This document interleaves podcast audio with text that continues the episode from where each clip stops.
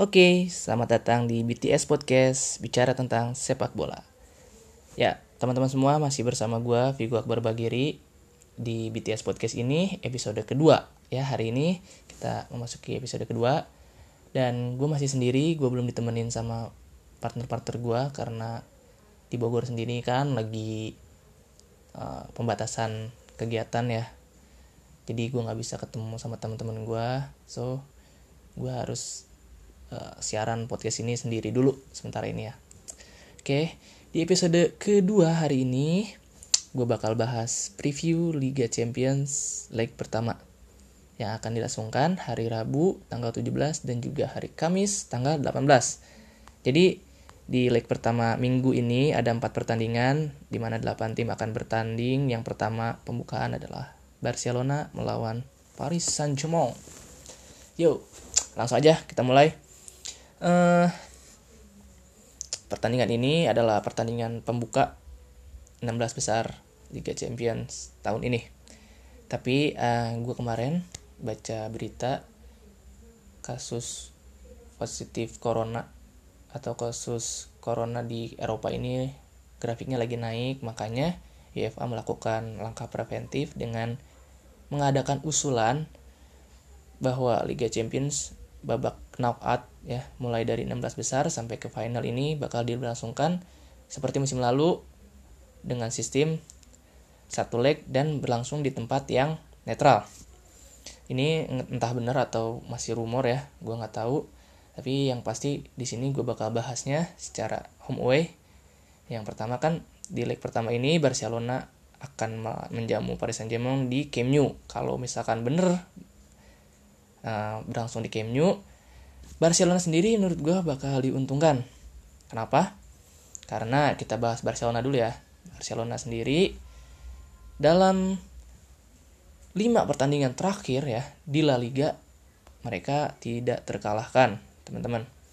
Apalagi yang terakhir lawan Deportivo Alaves Barcelona berhasil menggunduli ya Alaves dengan 5-1 di mana Messi, Lord Messi nyekor 2, teman-teman. Gokil sih ini Messi lagi on perform banget sekarang udah menemukan tasnya kembali. Ya. Di mana seperti kita tahu kan di awal-awal musim Barcelona sempat goyang kan inkonsistensi di bawah asuhan Ronald Koeman bahkan Messi ngambek katanya mau pindah lah mau pensiun lah tapi akhir-akhir ini Barcelona menunjukkan konsistensinya di mana grafik pemain-pemain mereka juga naik ya uh, Griezmann terus juga ada Osman Dembele Trincao Pedri uh, dan lain-lain nah menurut gue uh, Barcelona ini memiliki apa ya bekal yang cukup baik untuk menghadapi PSG di babak 16 besar oke meskipun mereka sempat kalah dari uh, Atletico Bilbao ya di final dan juga kalah lagi sama Sevilla 2-0. Ini uh, memang kekalahan yang sebenarnya apa ya? Cukup mempengaruhi sih Barcelona. Tapi perlu dicatat juga bahwa Messi uh, menjadi pemain pengganti ketika Barcelona kalah di dua laga ini. Sisanya meraih kemenangan karena Messi bermain dari awal. Ini menurut gua Barcelona masih bergantung sama Lionel Messi ya. Jelas karena Messi memang salah satu pemain terbaik di muka bumi teman-teman. Tidak tidak dapat dipungkiri juga. Dan yang bakal menjadi tumpuan menurut gue di lini belakang Barcelona mungkin uh, Pique ya tetap menjadi tumpuan ya pemain dengan segudang pengalamannya dengan memang skill yang yang dia miliki gue rasa di lini belakang Pique tetap menjadi tumpuan Barcelona untuk menghadapi babak 16 besar. Sementara di lini tengah uh, Barcelona bakal mengandalkan uh, seorang Pedri ya mungkin di tengah. Ini pemain muda tapi gua rasa pemain ini punya intelijensi permainan yang bagus punya kedewasaan bermain yang bagus juga. Bagus banget ya pokoknya ini salah satu prospek dari Barcelona ya walaupun umurnya masih muda tapi gua rasa Pedri ini masa depannya cerah banget uh, di lini depan ya jelas.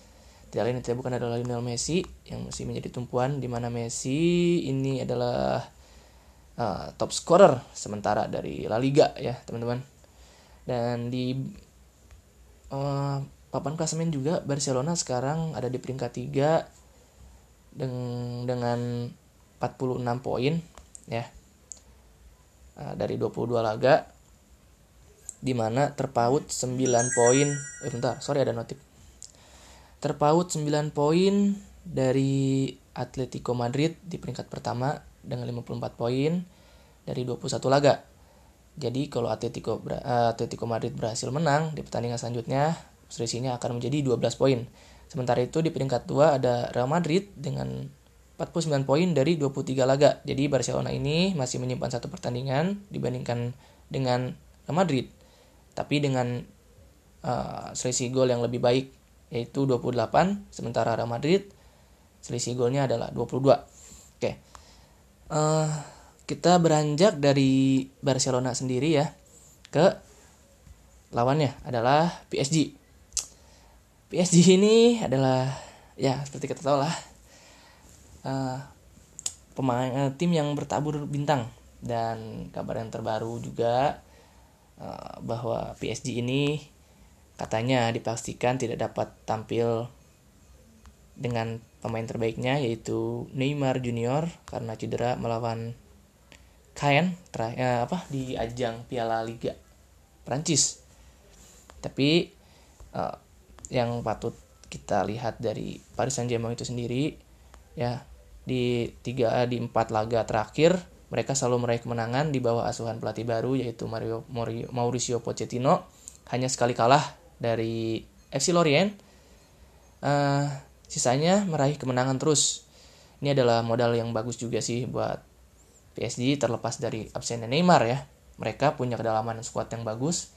Masih ada Mbappe, masih ada Icardi, masih ada Di Maria, ada juga uh, Sarabia ya ada Moiskin. Jadi menurut gue absennya Neymar memang berdampak cuman pemain lain gue rasa juga masih bisa berperan untuk menggantikan Neymar di situ. Ada Drexler juga. Dan untuk pemain yang menjadi tumpuan di lini belakang dari PSG ada Presnel Kimpembe yang pasti ya. Ini pemain yang semakin matang musim ini. Dia hampir tidak tergantikan ya di squad dari PSG dan gue rasa ini pemain memang sudah selayaknya menjadi tulang punggung di lini belakang ya. Karena sudah sering juga bermain dengan pemain-pemain yang lebih berpengalaman. Sebelumnya dia pernah duet sama Thiago Silva juga di lini belakang kan. Ya gue rasa Fresno Kimpembe sekarang layak lah untuk menjadi leader di lini belakang dan menjadi tumpuan di lini belakang. Sementara di tengah mereka punya Paredes dan juga Verratti. Tapi yang jadi sorotan adalah ternyata lebih ke Paredes. Gue nggak nyangka ya Paredes ini pemain yang ternyata cukup bagus dan cukup baik performanya dibandingkan Verratti ini.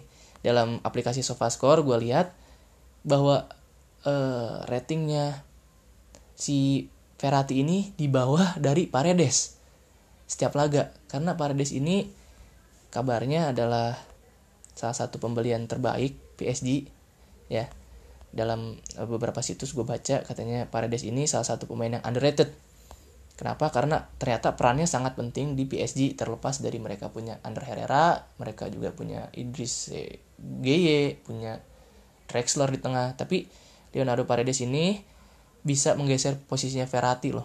Ini keren banget sih. Gue gak nyangka banget. Dan di pertandingan terakhir, uh, Paredes ini menjadi man of the match-nya uh, dengan rating 7,6 oke mungkin bisa sedikit mengejutkan Busquets nih di lini tengah ya. Uh, Pedri juga kayaknya bakal terkejut nih. Gue juga penasaran nih pengen lihat uh, Leonardo Paredes melawan Barcelona kayak gimana uh, perannya. Uh, oke di lini depan jelas ya PSG punya seorang Kylian Mbappe. Di mana menurut gue ini PSG sebenarnya lini depan PSG ini gue rasa memang benar-benar layak buat merangkul trofi Liga Champions musim kemarin ya dengan materi pemain yang gila menurut gue cuman ya sekali lagi keberuntungan belum berpihak di musim lalu. Tapi di musim ini gue rasa Mbappe memberikan dampak yang positif banget ya buat eh, lini depan dari PSG mereka uh, apa dia juga nyekor di beberapa pertandingan terakhir PSG dan menjadi gol krusial. Karena PSG ini menangnya selalu tipis nih akhir-akhir ini di bawah uh, asahan Pochettino. Uh, cuman 1-0 lah 2-1 paling banyak 2-0 ya, jadi sorry notif lagi tuh. Jadi uh, Mbappe ini satu gol uh, apa gol-gol dari Mbappe ini sebenarnya berperan krusial ya. Apalagi kan nanti di pertandingan 16 besar melawan Barca uh, Neymar bakalan absen. Otomatis peran lebih bakal diberikan kepada Mbappe dan didukung juga oleh Icardi mungkin di tengah sebagai center midfielder ataupun Moiskin mungkin yang bakal diturunkan. Dan ada juga Angel Di Maria uh, menurut gue pertandingan nanti sih bakal menarik banget ya. Gue juga nggak bakal bisa memprediksi uh, skornya tapi gue rasa sih dengan bekal yang sama-sama bagus ini sebenarnya uh, PSG juga bagus di track recordnya di Liga. Barcelona juga menunjukkan performa yang baik di Liga tetapi secara histori pertemuan eh, PSG selalu kalah dari Barcelona. Waktu tahun 2014-2015 itu ketika Barcelona juara Liga Champion mereka berdua pernah bertemu dan hasilnya adalah Barcelona mengalahkan PSG di dua leg jadi ini membuktikan bahwa pengalaman Barcelona dari secara historical pertemuan lebih baik dibandingkan PSG.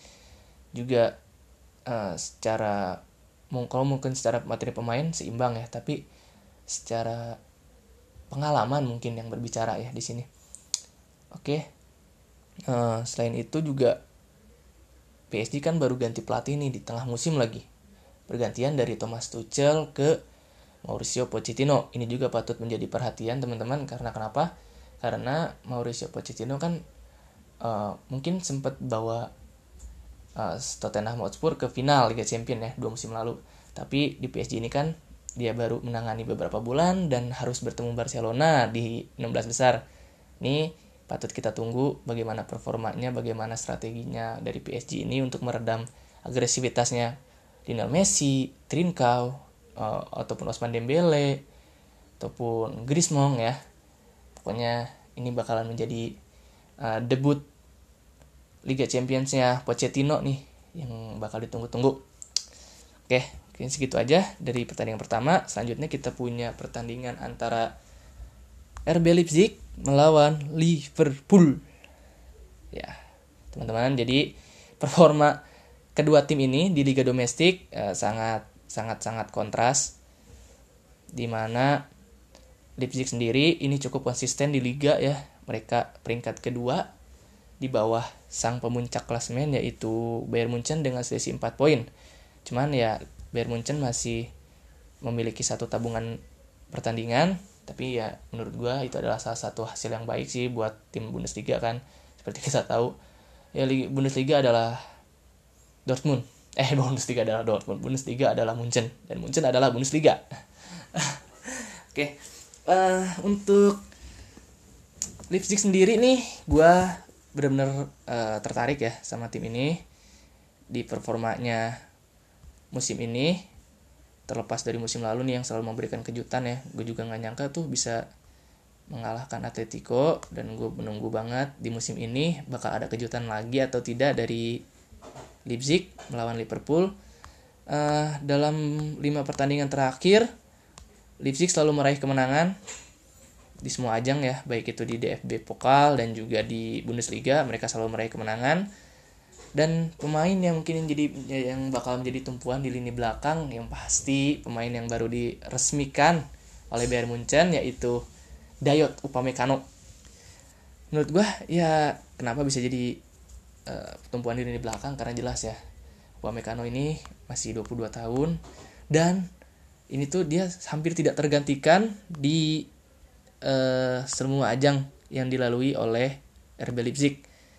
Ini ya jelas-jelas menjadi salah satu pemain andalan. Uh, dan juga Upamecano ini adalah salah satu pemain yang menurut gue punya intelijensi yang bagus sih sebagai seorang pemain belakang.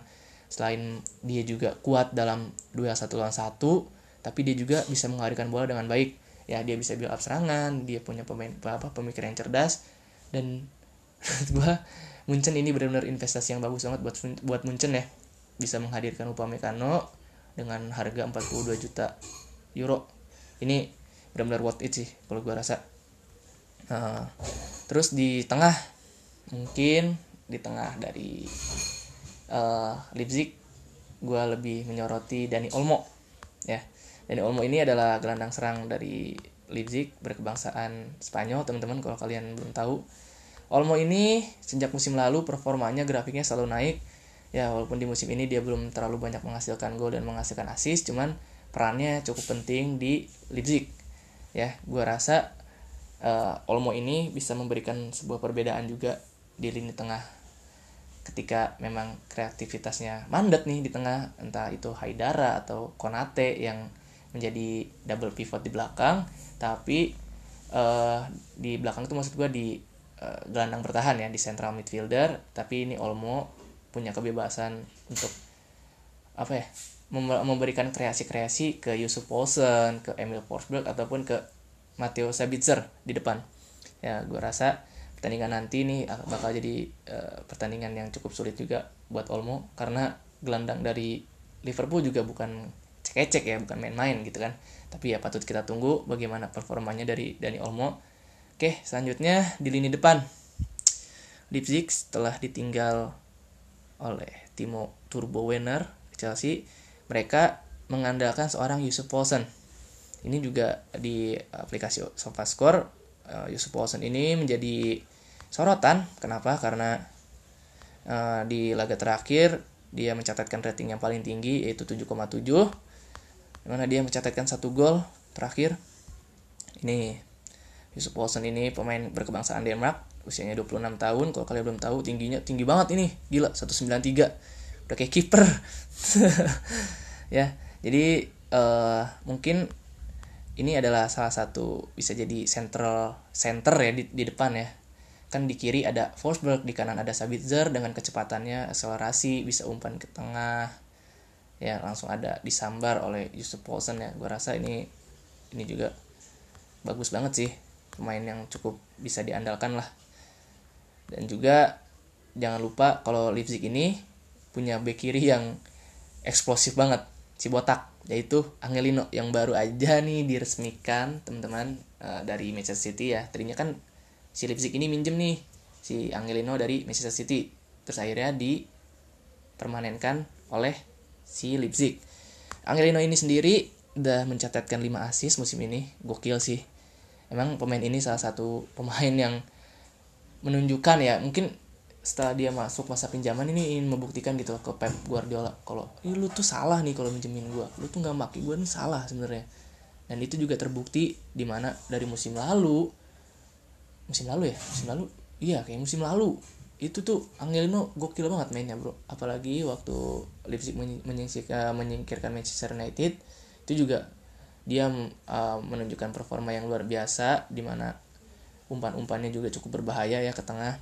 Itu luar biasa sini pemain. Gue rasa uh, di belakang ya selain Upamecano tadi yang gue sebutin mungkin Angelino nih yang bisa jadi kartu truf dari Leipzig buat mengejutkan Liverpool.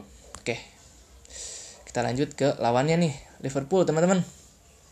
Di mana tadi gue sebutin Leipzig dalam 5 laga tidak terkalahkan. Sementara ya Liverpool ini dalam 9 laga mengalami wow banyak banget kalahnya ini. 1 2 3 4 5 6 mengalami 6 kekalahan teman-teman di seluruh ajang. Uh, dia kalah lawan Southampton terus meraih kemenangan uh, melawan Aston Villa terus seri lawan MU kalah lagi lawan Burnley Burnley ya di kandang. Terus kalah lagi di Piala FA sama MU sempat bangkit di dua laga kemudian lawan Tottenham dan juga lawan uh, West Ham. Cuman di tiga laga terakhir keok lagi nih. Ini adalah uh, pertama kalinya dalam masa kepelatihan klub uh, klub ini kalah tiga kali berturut-turut. Apalagi ini kan kalahnya itu menurut gue adalah salah satu kekalahan yang konyol ya. Ah uh, ini gue rasa sih Alison Becker berperan besar dalam tiga kekalahan terakhir dari Liverpool karena seperti kita tahu kalau kalian nonton ya kalau kalian nonton pertandingannya atau nonton highlightnya kekalahan dari Manchester City dan juga kekalahan dari uh, yang terakhir ini lawan Leicester City Alisson Becker benar-benar menjadi momok dan bener-bener ngelawak di dua pertandingan terakhir ini. Kenapa? Karena lawan Manchester City yang gol gol kedua Gundogan gol ke, gol gol kedua Manchester City ya. Itu diciptakan gara-gara Alisson Becker salah umpan salah passing. Bahkan sebelum gol Gundogan terjadi Alisson dua kali salah passing. Ini ini benar-benar konyol sih menurut gue seorang Alisson gitu yang kita tahu ya dilulukan oleh fans Liverpool uh, selalu dipasang di fantasi Premier League oleh orang-orang tapi melakukan sebuah blunder konyol melawan Manchester City yang membuat kita berpikir kok ini Alisson ada apa sih? Gue juga sempat mikir ini Alisson kenapa? Kok bisa-bisa kesurupan kesurupan Lord Karius gitu kan ya di dua laga terakhir. Dan terakhir nih melawan Leicester ya. Uh, Alisson juga sempat blunder ya yang menyebabkan Jamie Vardy bisa membalikan keadaan melawan Liverpool terakhir itu uh, di mana dia bertabrakan dengan back barunya Ozan Kabak dan menyebabkan Jamie Vardy dengan mudahnya memasukkan bola. Dan ini menunjukkan ya bahwa kehilangan Virgil van Dijk kehilangan Joel Matip kehilangan Fabinho di lini belakang Liverpool ini sangat-sangat terasa. Karena sepanjang musim lalu di mana Liverpool memenangkan Liga Inggris ini uh, Virgil van Dijk kan menjadi palang pintu yang tidak tergantikan ya sama uh, masa kepelatihan Klopp dan juga uh, tandemnya Joel Matip ini kan juga salah satu pilar di lini belakang tambah Fabinho juga absen. Jadi menurut gue kehilangan tiga pilar ini membuat Liverpool goyah teman-teman. Tambah mungkin Alisson juga nggak tahu kenapa ya tiba-tiba jadi Karius. Dan ini uh, Klopp menyatakan kemarin gue baca uh, press conference-nya setelah pertandingan melawan Leicester kalau Liverpool udah menyerah untuk titel Liga Inggris dan ini mungkin saja bisa menjadi salah satu titik balik dari Liverpool itu sendiri karena kan secara di liga nih dia udah nggak mungkin dapat gelar gitu kan. Dia ingin membuktikan nih oh kalau gue nih bisa nih di Liga Champion karena gue udah lepas dah. Nih liga gue lepas. FA juga gue udah kalah. Udahlah gue mau fokus di Liga Champion. Itu bisa aja terjadi. Tapi kalau kita menilik ya ini memang lagi-lagi lini belakang Liverpool yang jadi sorotan di mana mereka udah mendatangkan dua pemain ya entah itu uh, apa dua pemain. Satu dari antah berantah satu memang pemain muda yang potensial. Tapi ini juga tidak cukup untuk uh, menutupi kehilangan dari Virgil van Dijk dan juga Joel Matip serta Fabinho. Di mana di pertandingan terakhir juga Ozan Kabak sebenarnya gue rasa bermain cukup baik.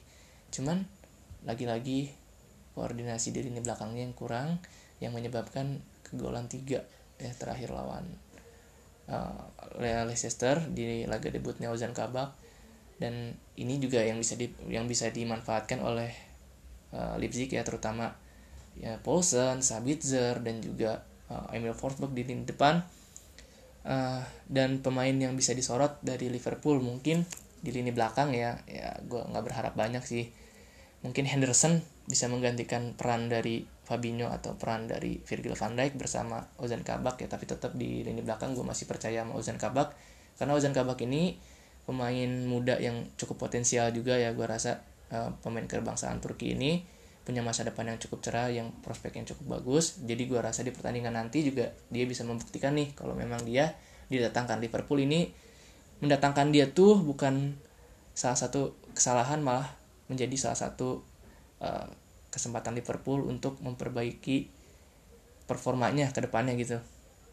Oke di lini belakang selain Ozan Kabak mungkin uh, ada Robo ya Robo dan Trent Arnold masih bisa menjadi tumpuan sih gue rasa. Ya apalagi Arnold nih kan sekarang walaupun performanya lagi menurun tapi tetap uh, dia, bisa membantu serangan uh, juga dia bagus dalam bola-bola atas dan gue rasa ini bisa menjadi salah satu uh, senjata rahasia juga ya di balik rapuhnya center back. Oke di lini tengah di lini tengah gue menyoroti performa dari Thiago Alcantara. Nah, Thiago Alcantara ini gue jujur gue jujur ya gue akhir-akhir ini ngikutin Liverpool gue sering nonton apa pertandingannya Liverpool. Ini uh, Thiago Alcantara ini mainnya gokil banget bro asli. Ini keren banget ini salah satu pembelian brilian menurut gue dari klub tapi entah kenapa setiap pertandingan yang dimainkan sama Thiago Alcantara ini Liverpool uh, apa ya kayak sulit buat menang gitu loh. Padahal dia tuh main bagus banget. Gue akuin dia tuh main bagus banget tapi dalam apa ya dalam lima pertandingan Liverpool mengalami tiga kali kalah dan dua kali kemenangan. Dan itu membuat gue kayak kok ada apa nih? Apakah yang salah ini depan? Apakah uh, eh, gue nggak ngerti lah pokoknya. Tapi yang gue lihat uh, Thiago Alcantara ini benar-benar berpengaruh banget di lini tengah bersama Jordan Henderson meskipun terakhir waktu lawan Leicester dia meng, apa melakukan satu pelanggaran yang berujung gol oleh James Madison di tendangan bebas tapi gue rasa perannya cukup cukup cukup sentral banget di lini tengah dari Liverpool. Ya Thiago Alcantara.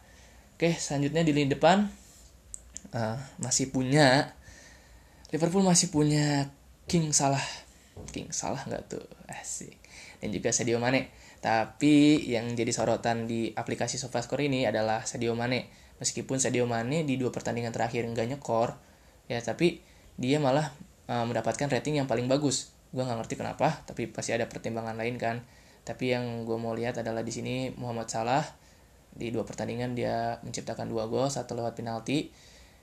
Eh, menurut gue ya lawan Manchester City juga penaltinya nggak apa ya pelanggaran yang dibikin Ruben Dias ini sebenarnya bisa masih bisa diperdebatkan ya. Tak kenapa akhir-akhir ini Muhammad Salah sering banget diving tapi uh, Muhammad Salah tetap menjadi pemain yang patut diwaspadai oleh Leipzig ya. Akselerasinya juga Sadio Mane gue rasa masih tetap jadi tumpuan oleh Jurgen Klopp sih di lini depan. Dan tidak tergantikan ya karena penggantinya pun siapa gitu loh yang benar-benar punya pengalaman di Liga Champions selain mereka. Selain mereka mereka yang gue maksud adalah ya Muhammad Salah juga Sadio Mane dan juga Bobby Firmino. Selain itu kan paling ada Origi ada Jota juga. Ya tapi tetap sih gue rasa uh, Salah dan Mane ini tetap jadi tumpuan di depan. Apalagi sekarang kan uh, katanya klub dari Jerman nggak boleh main di kandang nggak boleh main di Jerman katanya. Jadi ada kemungkinan Leipzig ini lawan Liverpool bakal diadakan di tempat yang netral. So menurut gue peluang Liverpool juga cukup bagus sih untuk melawan Liverpool eh, untuk melawan Leipzig di pertandingan kali ini. Oke. Selanjutnya ada pertandingan antara FC Porto melawan Juventus. Uh. ini pertandingan yang menurut gue uh, apa ya seharusnya di atas kertas ya Juventus uh, nggak kesulitan sih melawan FC Porto. Karena kenapa? Karena dari marka squad value jauh banget. Uh, si Juventus ini squad value-nya hampir nembus hampir nembus saat, apa ya uh, satu juta eh hampir hampir nembus 900 juta euro. Gokil nggak sementara FC Porto di kisaran 450 jadi setengahnya apa squad value-nya harga dari squadnya pemain-pemainnya. Tapi uh, dari catatan pertandingannya FC Porto ini cukup bagus di mana dari 10 laga FC Porto memenangkan 5 pertandingan uh, eh, 5 seri. Nah teman-teman cuman sekali kalah sih dia dari 11 pertandingan nih satu lawan Sporting Lisbon. Di mana uh, FC Porto ini sekarang peringkat 2 di Liga NOS ya. Liga NOS ini liga domestiknya uh, si FC Porto di Portugal dan juga dia seri melawan SC Braga di um, Piala Liga. Ini sebenarnya bisa dibilang ya cukup bagus sih performanya. Ada di peringkat 2 juga kan saat ini. Terus um, ya pemain yang patut diwaspadai mungkin ya yang bisa diwaspadai sama Nah, Juventus di lini belakang nih punya back, back berpengalaman PP pasti sama Ivan Marcano nih. Ini dua pemain yang mungkin udah tua ya tapi jangan dilihat dari umurnya. Tapi mereka ini berdua punya pengalaman yang cukup bagus buat memimpin teman-temannya buat memimpin rekan-rekannya. Gue rasa Pepe dan Ivan Marcano terutama Pepe ya bisa menjadi tumpuan di lini belakang sementara itu uh, pemain yang akhir-akhir ini market value-nya naik yaitu Jesus Corona di, uh, di di bek kanan ya. Ini pemain gue rasa pemain Meksiko yang mengejutkan kembali selain Alex Teles ya.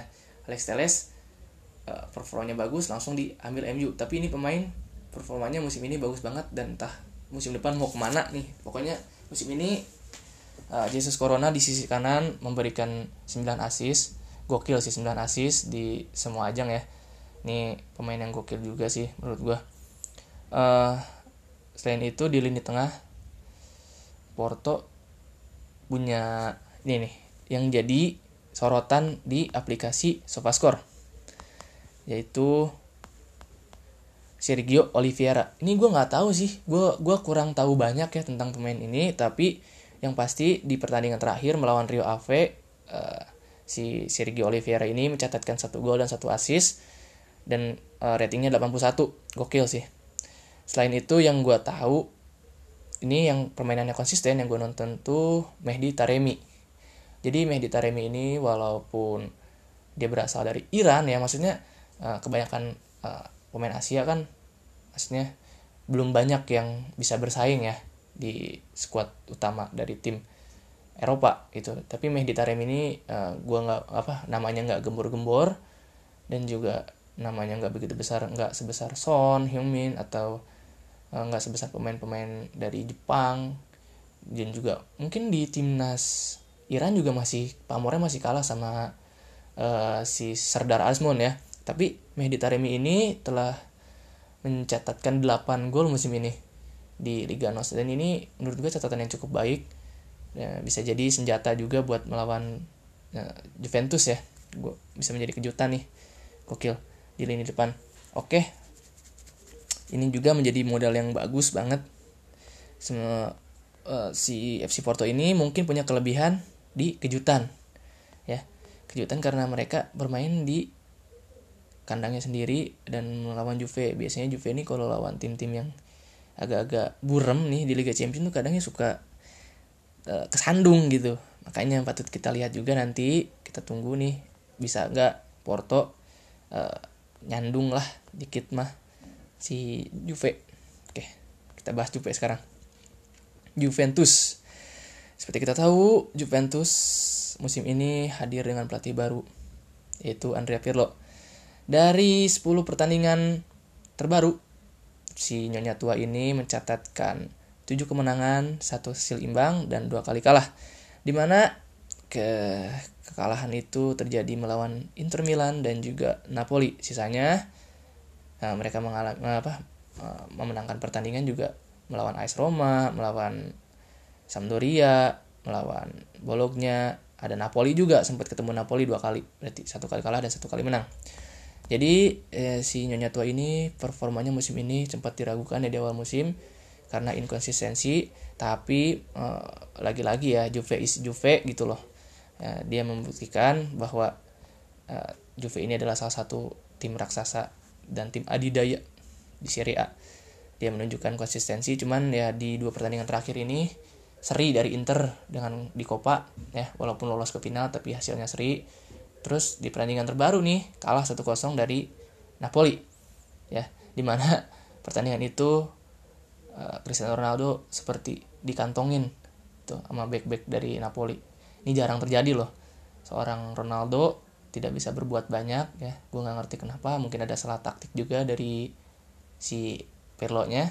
Tapi di klasmen si Juventus ini sedikit mengecewakan ya menurut gue.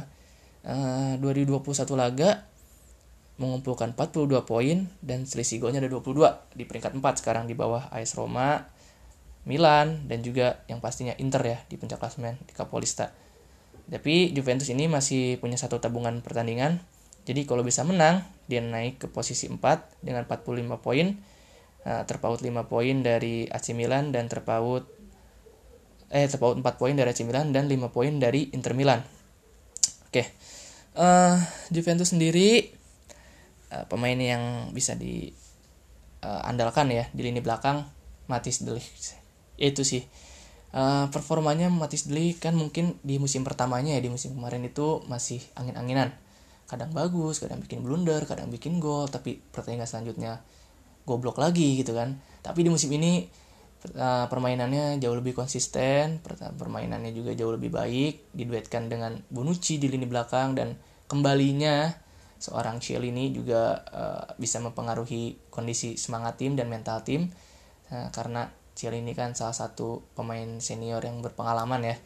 Uh, selain Bonucci jadi uh, gue rasa Juventus masih banyak pilihan sih di lini belakang entah itu diduetkan antara uh, Merih Demiral dengan Deli ataupun Bonucci dengan Cialini ataupun Cialini di swipe dengan si Deli. Itu diduetkan dengan siapa pun menurut gue ya Juventus adalah Juventus gitu loh. Materi pemainnya ini gokil menurut gue jauh banget dibandingkan FC Porto. Ya seharusnya mereka nggak bisa nggak terlalu banyak menemui kesulitan ya. Uh, selain itu mungkin di lini belakang patut dijadikan uh, sorotan juga adalah Juan Cuadrado di lini kanan ya. Di bek kanan ini Cuadrado walaupun udah tua dan kadang suka diolok-olok ya sama fans uh, Serie A. Uh, tapi pertandingan permainan ini cukup konsisten ternyata gue juga nggak nyangka kalau si Cuadrado ini di usianya yang udah 33 masih main bagus, masih jadi pilihan utama ya di eranya Pirlo. Kemarin kan di eranya Sari juga dia tetap jadi pilihan utama, sekarang di eranya Pirlo juga jadi pilihan tetap jadi pilihan utama. Ini salah satu pemain yang membuktikan bahwa dia punya kualitas tapi underrated. Sebenarnya cukup underrated sih. Menurut gue di akhir-akhir uh, akhir tiga musim terakhir lah perform apa uh, overallnya di FIFA ataupun di aplikasi-aplikasi lain itu selalu stagnan. Tapi ya da dari realnya itu cukup berkontribusi untuk tim. Kalau di lini tengah ini yang menarik nih di Juve musim ini uh, punya pemain pinjaman dari Salke masih muda 21 tahun asalnya dari Amerika Serikat yaitu Winston McKinney ini ini salah satu pemain yang menarik perhatian gue kenapa? Karena performanya gue bener-bener gak nyangka ini pembelian yang brilian juga nih.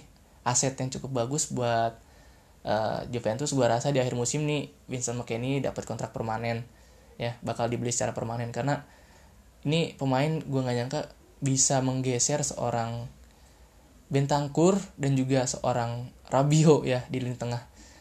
Ini dengan performa yang cukup baik dia membuktikan bahwa uh, uh, sepak bola Amerika Serikat sekarang udah jauh berkembang dan ini bisa jadi salah satu pemain kejutan nih. Patut kita tunggu juga. Dan sementara di lini depan uh, Juventus punya banyak opsi. Entah itu Kulusevski, Chiesa atau Ronaldo. Ada Morata juga ada Dybala juga. Jadi uh, yang jadi tumpuan tetap yang jadi sorotan tetap seorang Cristiano Ronaldo ya. Apalagi ini ajangnya Liga Champions di mana Cristiano Ronaldo ini adalah top scorer sepanjang masa dari Liga Champions.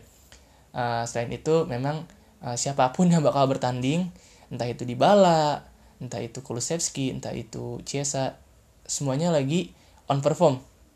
Dalam catatan bahwa di Bala walaupun uh, jam menit bermainnya kurang musim ini tapi dia tetap bisa berkontribusi banyak ketika diturunkan. Dan juga di Bala ini adalah salah satu pemain pembeda kadang kalau misalkan Juve menemui kebuntuan di uh, sisa babak kayak di sisa 15 terakhir babak kedua itu kadang kalau di bala main Juve nyekor gitu. Jadi gue rasa uh, Juve di lini depan bakal gacor lawan FC Porto. Walaupun mainnya di kandang Porto ya ya Juve bisa lah memetik poin penuh atau seenggaknya lah uh, margin sat, margin 2 atau 3 gol gue rasa dan pertandingan terakhir ada uh, Sevilla melawan Borussia Dortmund. Nah ini nih, ini yang yang pertandingan yang menurut gua sulit diprediksi ya siapa yang bakal menang. Karena dua-duanya menurut gua tim kuda hitam. Karena dua-duanya biasanya jagonya di Europa League. Tapi sekarang mereka ketemunya harus ketemu di di uh, Champions League dan seperti kita tahu ya nih kita pertama bahas dari Sevilla dulu. Sevilla ini kan spesialis Europa League. Uh, empat kali juara Europa League tapi sekarang harus main di Liga Champions. Dengan pertandingan terakhirnya mereka ini 5 pertandingan terakhir atau bahkan 10 pertandingan terakhir Sevilla gokil banget bro. Di mana mereka memenangkan 9 pertandingan dari 10 laga gila 10 eh, 9 pertandingan berturut-turut jadi mereka menang terus tuh. Terakhir kalah tuh dari Atletico Madrid di La Liga terus selebihnya mereka menang terus. Ini membuktikan bahwa Julian Lop apa sih namanya ya? Uh, koreksi aja kalau gue salah ya. Uh, Lop, tulisannya Lopetegui. Uh, itu mendatangkan perubahan yang cukup signifikan di Sevilla musim ini. Ini grafiknya benar-benar nanjak benar-benar gokil di mana kemenangan mereka juga atas Barcelona 2-0 di ajang Copa del Rey ya itu menambah motivasi mereka juga uh, di klasemen sementara ini Sevilla di peringkat 4 dari 22 pertandingan mereka menciptakan 45 poin dan 16 gol. Terpaut satu poin dari Barcelona di peringkat 3. Nah, ini juga menjadi salah satu modal yang bagus buat melawan uh, Dortmund ya, teman-teman. Uh, Sevilla ini uh, pemain yang bisa kita sorot di lini belakang mungkin Diego Carlos ya kalau menurut uh, aplikasi SofaScore ini uh, um, mencatatkan 8,3 ratingnya. Berarti ini pemain benar-benar bagus banget di lini belakang dan uh, sudah empat oh bukan ini malah wow gila 6 laga clean sheet berturut-turut. Gokil gimana nggak tinggi tuh ratingnya Diego Carlos ya? Gue rasa emang bener-bener worth it banget ini pemain buat jadikan tumbuhan di lini belakang ya ditambah dengan pemain muda Julius Konde yang kemarin juga sempat viral ya karena nyekor lawan Barca dan golnya ini anti mainstream sih menurut gue biasanya kan kalau back tuh nyekor corner corner kick tendang sundul masuk. Tapi ini bener-bener serangan dari build up dia overlapping dari belakang melewati seorang back dari Barcelona Um Titi ya kalau nggak salah Um Titi dia syuting ini gokil banget makanya ini kemarin sempat jadi perbincangan juga Jules Konde uh, harganya langsung naik ya. Dan ini salah satu pemain masa depan juga sih kalau gue rasa diduetkan dengan Diego Carlos. Makanya nggak heran dua back ini mencatatkan enam kali clean sheet di enam pertandingan terakhirnya bersama Sevilla. Uh, terus di lini tengah kita nggak boleh lupa kalau Sevilla punya seorang Ivan Rakitic. Ini adalah salah satu pemain yang memiliki segudang pengalaman bahkan pernah meraih 6 trofi dalam satu musim bersama Barcelona. Uh, pokoknya hampir seluruh gelar pernah ia ciptakan bersama Barcelona meskipun ya. Tapi di musim ini juga performanya benar-benar bagus bersama Sevilla mungkin salah satu perekrutan terbaik Sevilla juga musim ini. Uh, selain itu mereka punya Suso mungkin di tengah ya. Suso juga punya eksplosivitas yang bagus tapi gue di sini melihat bahwa peran Ivan Rakitic bukan sekedar uh, gelandang penyuplai bola tapi juga dia adalah seorang leader di ruang ganti. Ini juga menciptakan sebuah atmosfer yang baik di uh, ruang ganti Sevilla dan juga bisa menjadi panutan buat pemain-pemain muda ya. Makanya di mana musim ini Sevilla ini grafiknya benar-benar nanjak mungkin disebabkan oleh faktor pemain-pemain senior yang berada di Sevilla itu sendiri contohnya Ivan Rakitic ya datang ke Sevilla dengan segudang pengalaman dia bisa bawa aura positif di ruang ganti so menurut gue ini pemain-pemain yang brilian sekali yang bisa didatangkan oleh Sevilla musim ini. Gokil. Di lini depan yang patut disorot Yusuf El Nesiri. Pemain muda ini ini ternyata salah satu top scorer di eh, La Liga ya. Gokil nih bersaing sama Messi. Gue nggak nyangka kalau Sevilla juga strikernya sebagus ini ternyata mainnya juga oke okay. Yusuf El Nesiri punya eksplosivitas dan benar-benar fighter ya satu lawan satu Mabek ini gokil banget sih ditopang sama kadang Munir El Hadadi juga ya mainnya juga Munir juga lumayan sih tapi yang tetap yang menjadi sorotan gue pribadi adalah Yusuf El Neseri semoga Yusuf El Neseri ini bisa menampilkan perta apa permainan terbaiknya waktu lawan Dortmund karena head to headnya sama Hamels nih seru nih gue pengen gue pengen lihat aja nih ke depannya uh, Sevilla bisa menghadirkan kejutan-kejutan apa selanjutnya ya. Oke, selanjutnya mungkin dari uh, Dortmund. Dortmund sendiri ini sangat kontras ya dibandingkan Sevilla di laga-laga terakhirnya di Borussia Dortmund eh Borussia Dortmund ini di uh, Bundesliga tuh mencatatkan 5 kemenangan dan juga tiga kalah dua kali imbang di segala kompetisi.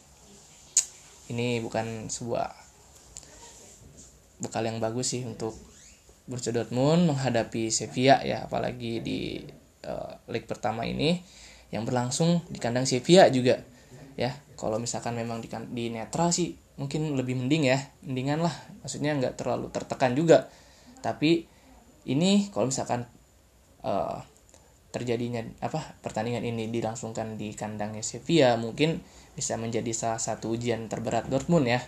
Karena Dortmund sendiri meskipun uh, mereka ada di apa ya ada di salah satu tim yang uh, sebenarnya diperhitungkan juga musim ini untuk meraih atau seenggaknya nggak meraih Liga Champions juga uh, bisa bersaing gitu ya tapi pada kenyataannya di Liga Domestik ini performanya jauh menurun dari musim lalu sekarang Borussia Dortmund ini di peringkat 6 klasemen terpaut uh, 15 poin dari pemuncak klasemen itu Bayern Munchen ya, dengan pertandingan lebih banyak dari Dortmund.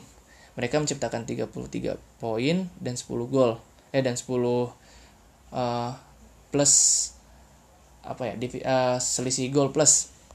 Ini menunjukkan bahwa uh, Dortmund musim ini jauh dari konsisten meskipun skuadnya memang gak jauh beda dari musim lalu atau dua musim lalu tapi tetap aja uh, Dortmund ini nggak bisa menampilkan pertandingan uh, permainan yang konsisten di setiap pertandingannya tapi yang patut kita uh, memberikan sorotan di belakang tetap ya uh, back berpengalaman Mats Hummels ya ini bisa menjadi tumpuan di lini belakang duet sama Akanji atau kadang Diallo bisa juga tapi uh, gue liatnya Akanji sama uh, nih sengganya bisa menahan uh, gempuran dari lini tengah dan lini depan dari Sevilla lah dengan pengalamannya.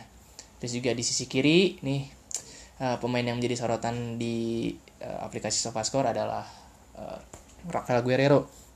Mereka uh, dia ini menciptakan 7 assist musim ini cukup banyak karena memang uh, pemain ini juga adalah tipikal pemain yang uh, spesialis umpan crossing atau spesialis passing ya, spesialis assist dari sisi kiri umpan ke langsung ke depan direct ball ke uh, Halan atau ke Sancho ya ataupun ke Giuseppe Reina eh Giuseppe Reina ada tuh Giovanni Reina ya di depan jadi menurut gue ini juga apa Guerrero ini bisa menjadi salah satu senjata yang uh, bisa menghadirkan ancaman kepada Sevilla. Terus di lini tengah gue ngelihat uh, Dortmund ini um, punya Giovanni Reina dan Jude Bellingham. Ya dua pemain muda ini walaupun masih di bawah 18 tahun tapi pertandingan permainannya cukup baik. Dan gue rasa uh, Giovanni Reina ini bisa menghadirkan kejutan juga buat uh, Sevilla ya dengan dengan uh, permainannya yang atraktif ya. Gue rasa nggak kalah dari Vincent McKennie uh, jadi di tengah ini gue masih ngasih sorotan atau bisa jadi tumpuannya adalah Giovanni Reina. Sementara di depan ada Sancho dan juga Erling Haaland yang pasti. Ini salah satu uh, pemain paling potensial ya dan salah satu pemain yang bakal menjadi uh, superstar. Ini benar-benar gokil sih Erling Haaland uh, di empat pertandingan terakhir Ber uh, Borussia Dortmund walaupun tidak konsisten tapi Haaland ini menciptakan tiga gol. Nih gokil juga sih Haaland. Meskipun saat ini Sancho mainnya lagi nurun ya profilnya lagi turun tapi di balik itu Halan selalu memberikan gol untuk Dortmund. Ya gue rasa secara statistik ya uh, si Halan ini bisa menghadirkan ancaman terutama kan Halan ini kan tipikal striker yang fighter banget ya bisa satu lawan satu kuat dalam satu lawan satu sundulan larinya kenceng juga shootingannya oke jadi uh, ancaman utama dari uh, Borussia Dortmund adalah si Halan ini. Oke, patut ditunggu ya. Kita lihat siapakah yang bakal memenangkan pertandingan antara uh, Sevilla dan juga Borussia Dortmund tapi gue juga uh, notice pertandingan ini juga sih. Gue pengen tahu perkembangannya dari dua tim yang gue rasa uh, dua-duanya kuda hitam dua-duanya tidak terlalu dilihat sebagai uh, sebagai kontestan yang bakal melangkah jauh. Tapi uh, mereka mereka berdua ini punya peluang yang sama mereka ini punya hmm, satu elemen yang sama yaitu elemen kejutan ya. Jadi gua rasa keduanya ini bisa menjadi tim yang menghadirkan uh, match yang seru. Oke teman-teman nggak uh, kerasa udah hampir sejam ya gua nggak bahas ginian doang. Cuman 8 tim. Jadi 8 tim sisanya lagi gue bakal bahas di minggu depan. Masih ada Lazio lawan Munchen ada juga Madrid lawan Atalanta terus juga ada Atletico lawan Chelsea dan juga ada uh, si Manchester City lawan uh, Munchen Gladbach. Oke gue bakal bahas di minggu depan. So uh, mungkin segitu aja sih preview dari gue uh, mohon maaf kalau ada kekurangan kesalahan. Uh, kurang lebihnya mohon maaf. Kalau misalkan ada kritik dan saran sekali lagi boleh disampaikan via DM atau via mention Twitter atau DM juga di IG gua @vigomies Vigo Miese F I G O M I E S E. Sama ya namanya juga di Twitter Vigo Miese uh, jadi buat teman-teman yang mau kritik dan saran atau mau ngajak kolaps atau mau apa segala macam menghubungin gue bisa lewat situ. Oke sekian dari gue untuk podcast hari ini episode kedua. Nantikan terus podcast podcast atau episode episode selanjutnya dari BTS podcast. Uh, gue Vigo Akbar Bagiri pamit undur diri assalamualaikum warahmatullahi wabarakatuh. BTS podcast bicara tentang sepak bola. See ya